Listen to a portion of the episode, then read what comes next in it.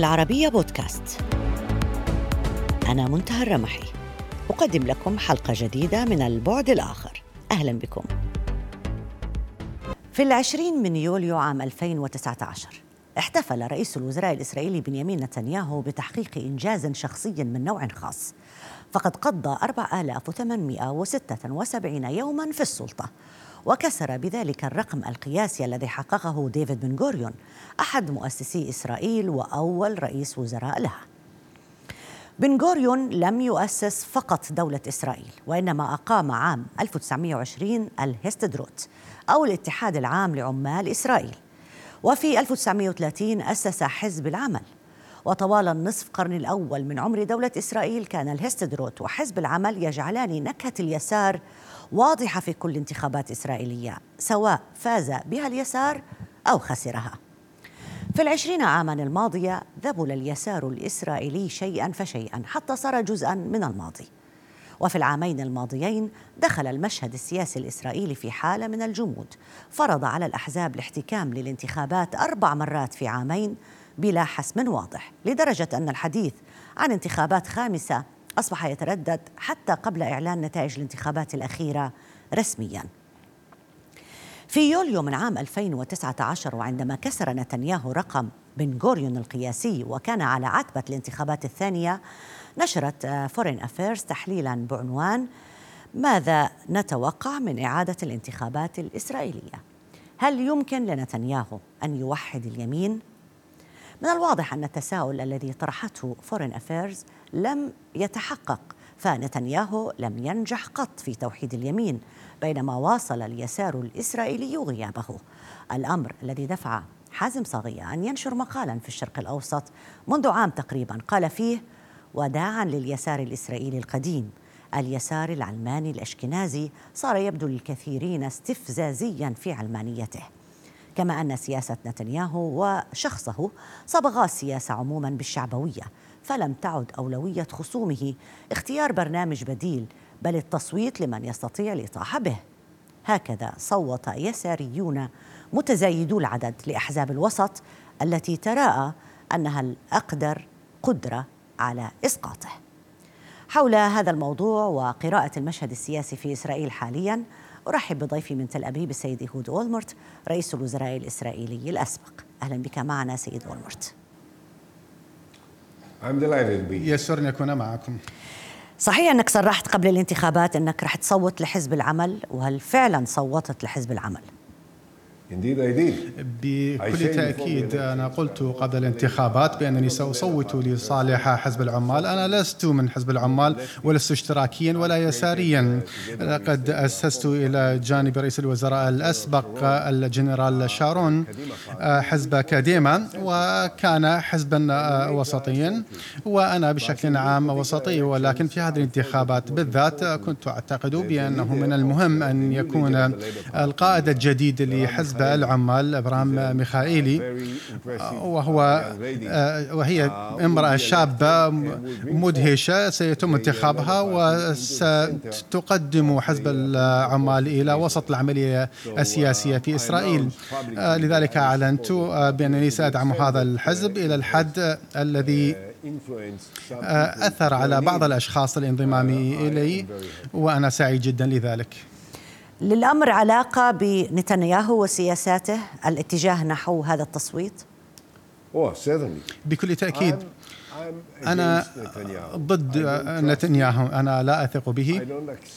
ولا أوافق على سياساته ولا أعتقد بأن لديه أي سياسات. أعتقد بأنه منخرط بالكامل فقط في حماية نفسه آه، على حساب التضحية بالمصالح الأساسية والجوهرية لدولة إسرائيل والتي آه، تهمني التحديد هو الافتقار التام للعملية السياسية التي قد تقود تجاه المفاوضات ذات المغزى بيننا وبين الفلسطينيين.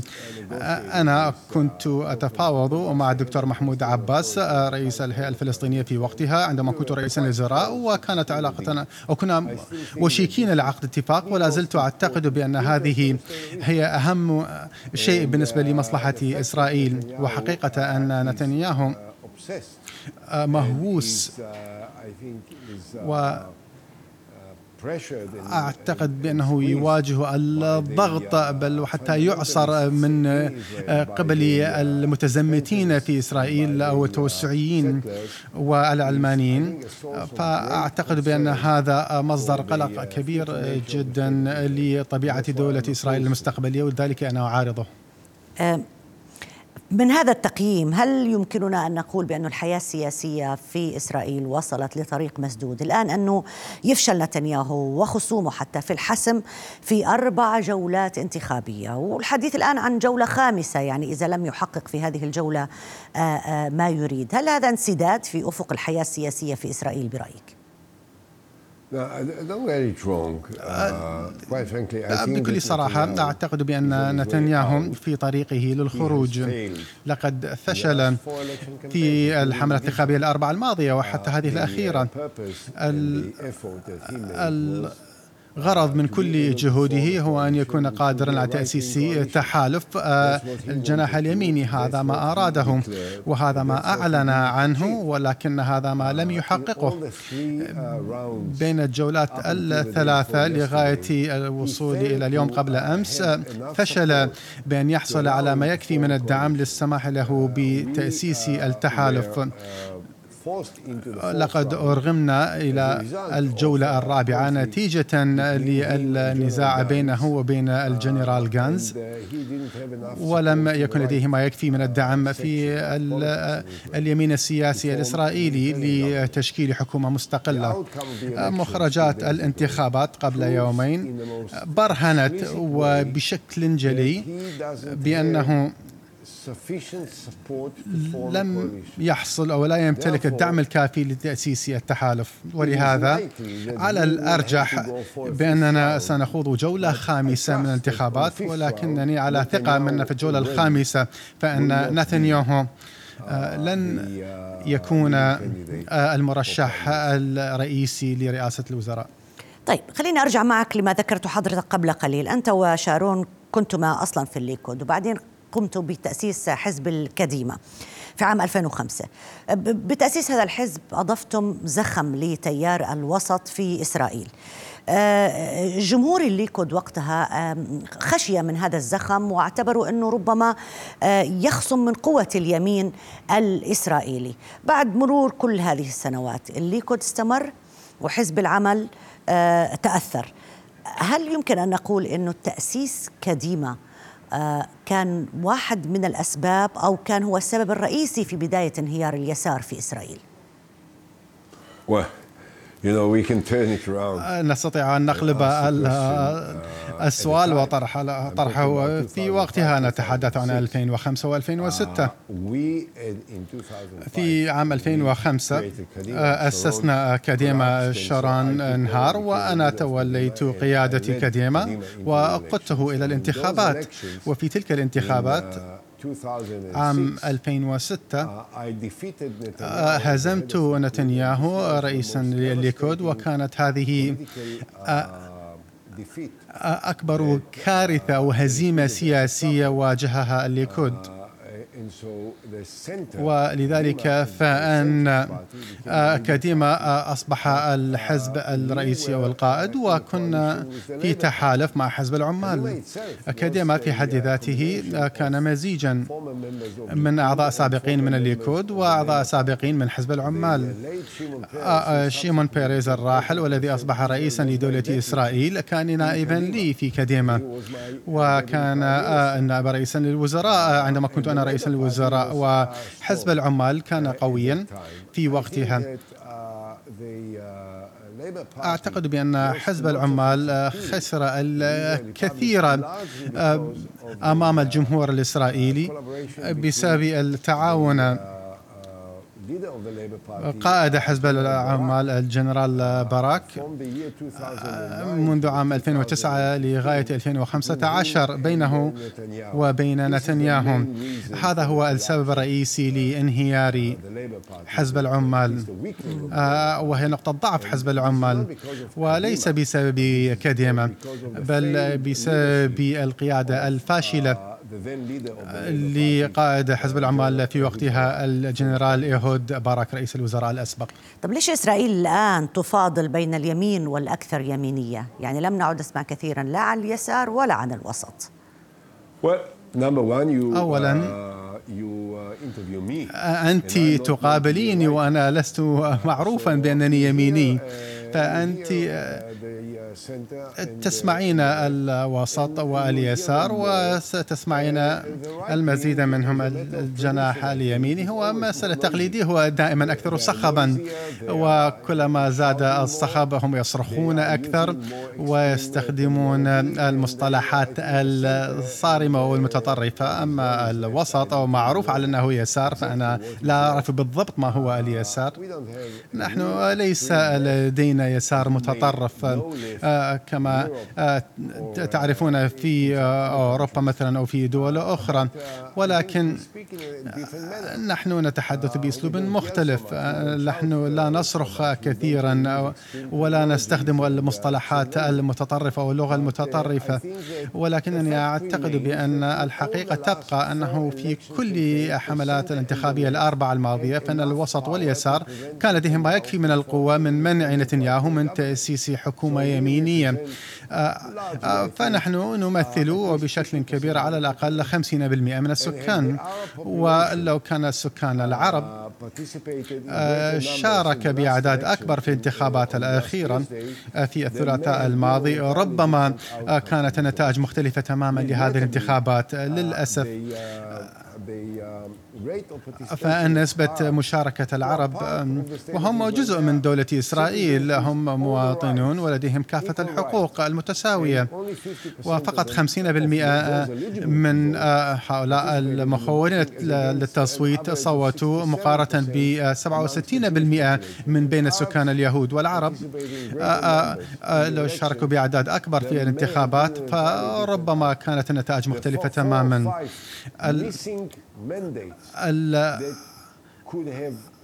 المسائل الخمسة والأربعة التي ربما كانت آه، ستساعد في وصول حكومة وسط هي بسبب فشل الإسرائيليين العرب من المشاركة بأعداد كبيرة في الانتخابات.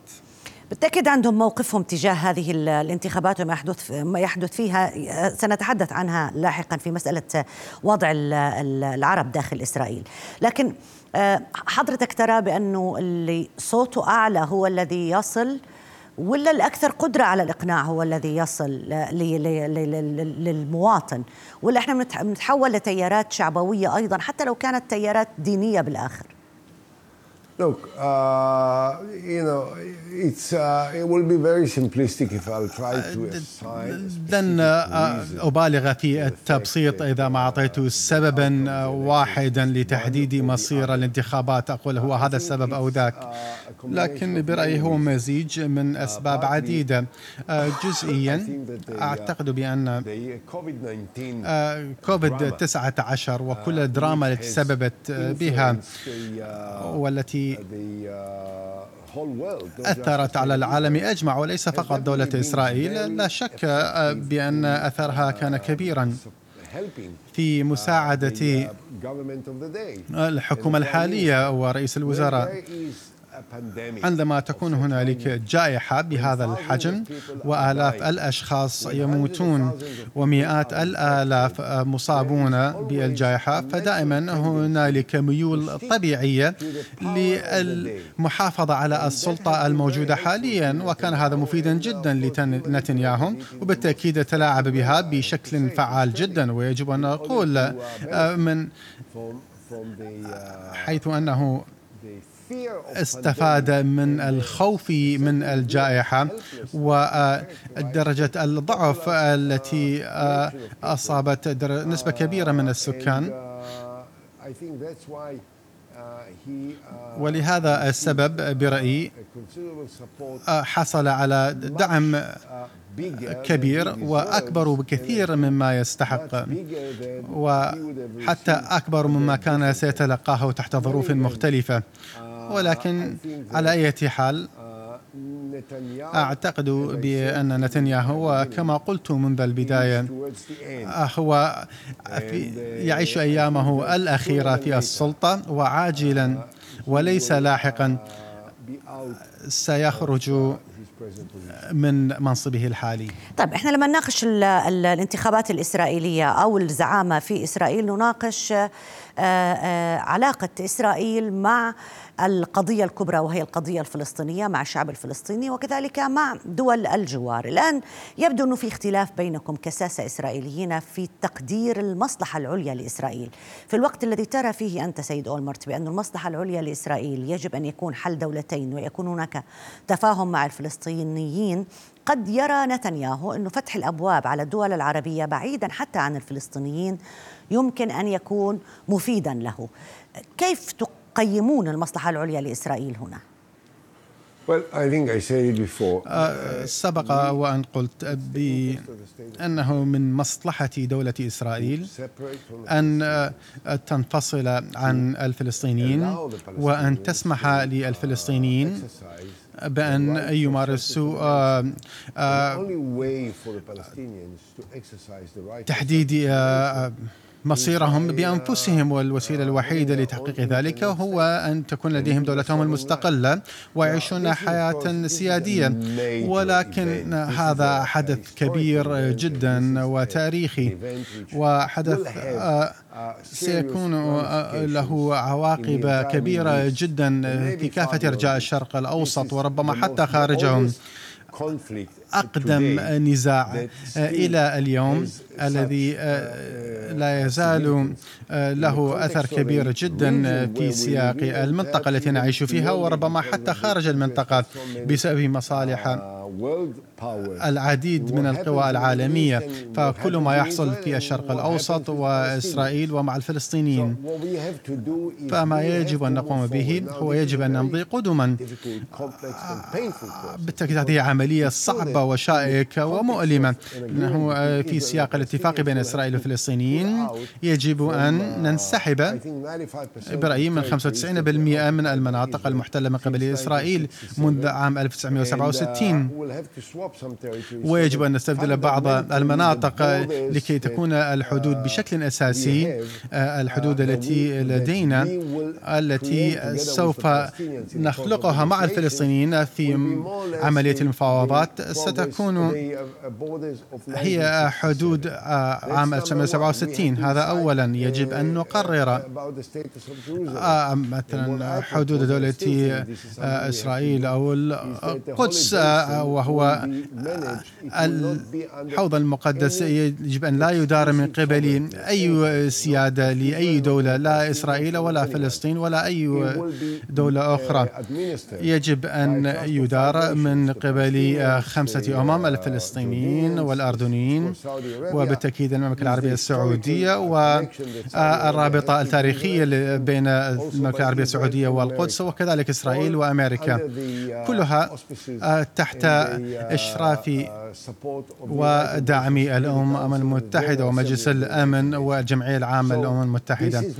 فهذا ما يجب أن نقوم به يجب أن نتعامل مع هذه المشاكل وكذلك مسألة الفلسطينيين. الذين أخرجوا نتيجة للحرب بيننا وبين الفلسطينيين وكذلك يجب أن نتعامل مع مشاكل اليهود الذين أخرجوا من الدول المسلمة المختلفة. نتيجة لهذا النزاع يجب أن نجد الحل لكل هذه المسائل. وبالمناسبة وفي سياق مبادرة السلام العربية التي ولدت في الرياض عام 2002 هذا برأيي هو ما يجب أن نقوم به. هذا يصب في مصلحة إسرائيل وأعتقد بأن المملكة العربية السعودية يجب أن تلعب دورا هاما في نشر هذه الضرورة الملحة للدول ذات الشأن وكذلك للقوى العالمية وبالتحديد لوزارة الخارجية في الولايات المتحدة. وأعتقد بأنهم على دراية بذلك وهذا ما يجب يجب أن نقوم به. لا أعتقد بأن نتنياهو مستعد للقيام بكل هذه التنازلات الضرورية التي ستقود إلى التوصل إلى اتفاق. وأنا لست متأكدا على الرغم أنني آمل بأن تكون هنالك قيادة فلسطينية ستتعاون في هذا الاتجاه. كنت إلى درجة كبيرة قد خاب ظني عندما كنت رئيسا للوزراء وعندما قدمت هذه الخطة لمحمود عباس لم يقل نعم أبدا. آه، استمر بالقول وذلك قلت في مناسبات عديدة. لم يقل لي لا أبدا. هذا صحيح. ولكنه لم يقل نعم أبدا أيضا. فيجب أن نأتي بقلوب مفتوحة. آه، آه، ونجد نفس الشيء من القيادة الفلسطينية. ويجب أن آه، نظهر بسلوكيات مختلفة. وكما قلت أشك بأن الحكومة الإسرائيلية الحالية مستعدة للتعامل مع هذه الاحتياجات بالأسلوب المناسب. وأتمنى أن الفلسطينيين سيكونوا مختلفين عما كانوا عليه في السابق. وحث الجميع وكل قادة المنطقة. قادة الإمارات العربية المتحدة الذين أعلنوا عن التطبيع مع إسرائيل وقادة البحرين وقادة المغرب والسودان. وأناشد قادة المملكة العربية السعودية. و سمو الأمير محمد بن سلمان لأخذ المبادرة لتشجيع الجانبين على الجلوس معا. لا أحد يستطيع أن يؤثر على العملية أكثر من آه، ولي العهد السعودي محمد بن سلمان. آه، هو رجل صاحب ديناميكية وطاقة كبيرة ولديه نظرة uh, uh, وانطباع ودراية uh, باحتياجات المنطقة وأكثر من أي شخص سبقه وأنا آه، كل أمل من أنه سيظهر الرغبة في لعب دور هام في هذه العملية. ألف شكر لك على المشاركة معنا. شكرا جزيلا. ضيفنا من تل أبيب السيد هود أولمرت رئيس الوزراء الإسرائيلي الأسبق. ألف شكر. من الأفضل للعرب ولقضية السلام؟ هل يمين إسرائيل أم يسارها؟ صقورها أم حمائمها؟ تاريخيا لا توجد إجابة حاسمة. فإذا كان رابين من حزب العمل قد قاد إسرائيل لتفاهمات أوسلو مع الفلسطينيين واتفاقية وادي عربة مع الأردن فقد سبق أن وقع بيغن الليكودي اتفاقية السلام مع مصر. في الواقع لا أهمية لأيديولوجية من يقود إسرائيل وإنما لمدى تمتعه بتحالف مريح يجعله قادرا على التفاوض من دون أن يسقطه الكنيست في منتصف الطريق. حول هذا الموضوع أرحب بضيفي من القاهرة الدكتور نبيل العربي وزير الخارجية المصري الأسبق والأمين العام لجامعة الدول العربية سابقا أهلا بك معنا دكتور نبيل العربي سعداء بوجودك معنا. أهلا أنا سعيد جدا. أهلا. أه، دكتور نبيل كان معنا قبل قليل السيد هود أولمرت وتحدث عن أنه سبب ربما في النتائج التي نراها في الانتخابات الإسرائيلية الحالية تدني مشاركة الصوت العربي في الانتخابات. برأيك لماذا لا يشارك العرب في الداخل بالانتخابات الإسرائيلية بالشكل المطلوب؟ أنا أعتقد أن من المفروض أن العرب يشاركوا وهيكون لهم وزن. وده المهم يكون له وزن يعني لهم تأثير في النتيجة النهائية. طيب. في حالة عدم استقرار سياسي في إسرائيل. آه، بسبب تكرار عملية الانتخابات هذه بشكل يعني أكثر من المتوقع. كذلك في حالة عدم استقرار سياسي طبعا بالنسبة للفلسطينيين منذ سنوات. كيف بتشوف عملية السلام في ظل آه، هذه الحالة المعقدة سواء في إسرائيل أو في فلسطين؟ اولا على إسرائيل أن يعني أن تقر بأنه لابد من وجود سلام. وتعمل على هذا الأساس. أنا عندي أمل كبير أن تتحقق الوحدة الفلسطينية. الفلسطينيين الفلسطينيين لا يمكن أن يستمروا في الانقسام الحالي غير معقول أن يستمر الانقسام الحالي وايا كان السبب فيه فلابد منهم يستقروا على حاجة. بالنسبة لإسرائيل الوضع يختلف. الوضع يختلف لأن آه، بنيامين نتنياهو بقاله فترة مسيطر على الجو في إسرائيل. يعني أنا مش عارف نتيجة الانتخابات هتكون إيه وربما هتكون في انتخابات بعدها كمان. وهو ما عندوش مانع إن هذه الانتخابات تعاد وتكرر ما دام هو في الحكم.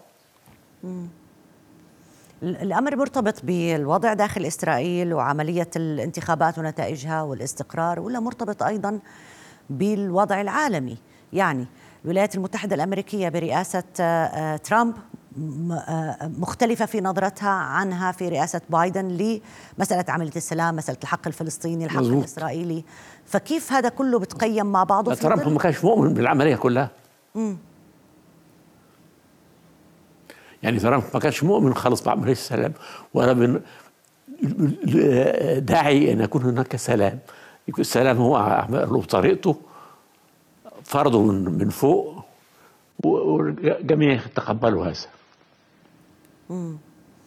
طيب بس في إسرائيل إذا بدنا نسأل إذا كانت المسألة يعني أنا سمعت قبل قليل يهود أولمرت وكلنا بنعرف كيف كانت الاتجاه نحو عملية السلام وحل الدولتين في زمنه وكيف هو الوضع في زمن نتنياهو. هل شخصية آه، رئيس الوزراء لها دور في قرار ما الذي يمكن أن يحدث؟ ولا المسألة. متعلقة آه، آه، بالخطة الاستراتيجية للدولة ودولة المؤسسات تحديدا؟ طبعا دولة المؤسسات دي دولة المؤسسات لها وضع خاص لكن آه، شخصية رئيس الوزراء بالذات في إسرائيل لها أهمية معينة. يهود أول أنا أعرفه واشتركنا مع بعض في حاجة. وهو كان معقول. معقول يعني يعني يعتبر إنه كل طرف عنده حق في أن يطالب بما يرغبه ويريده والنتيجه النهائيه لابد أن تعمل نوع من التوازن. للأسف الشديد هو آه، كان مرتبط بحاجة ولا شيء في موضوع داخلي أدى إلى إلى حبسه والنهاردة ما عندوش أي أي أي سلطة في حاجة. بس الفساد في إسرائيل يعني مش مقتصر على ايهود اولمرت نتنياهو حتى متهم بقضايا فساد وكل محاولاته هي للهروب من قضايا الفساد أصلا. مظبوط مظبوط. وقضايا الفساد دي بتوصل لغاية عنده وتتوقف نتائجها. يعني حتى الآن بيعمل يعني أطول وأكثر واحد في بيحكم في إسرائيل وعليه قضايا مختلفة وبرغم كده قاعد يستمر في الحكم. بس شو بيميزه نتنياهو انت التقيته دكتور نبيل؟ يعني وبتعرف شخص الرجل حتى يسيطر بهذه الطريقة على إسرائيل حتى الآن. هل هو غياب اليسار؟ هو هل هو الانقسامات في الداخل؟ بعد المشاركة العربية؟ يعني لماذا هو أولا أولا شخصيته شخصيته وطموحه أولا. مم. ثانيا إنه بيعتمد على آه، أعتقد مرتب أموره مع الحزب بتاعه. ويعني لا أنا أعتبر إن هو ما عندوش مبادئ مبادئ خالص. يعني في كذا عملية كنا مع مشتركين فيها آه، لاحظت عليه ذلك انه من الصعب إن يعني يكون شخص آه، الواحد يثق فيه. ممكن لذلك يعود وينجح في الانتخابات أو حتى لو فشل بتشكيل الحكومة. شكرا جزيلا لك دكتور نبيل العربي. وزير الخارجية بالزبط. المصري الأسبق شكرا. أمين العام لجامعة الدول العربية السابق. شكرا جزيلا. بهذا انتهت حلقة البعد الآخر لهذا الأسبوع. يمكن اللقاء.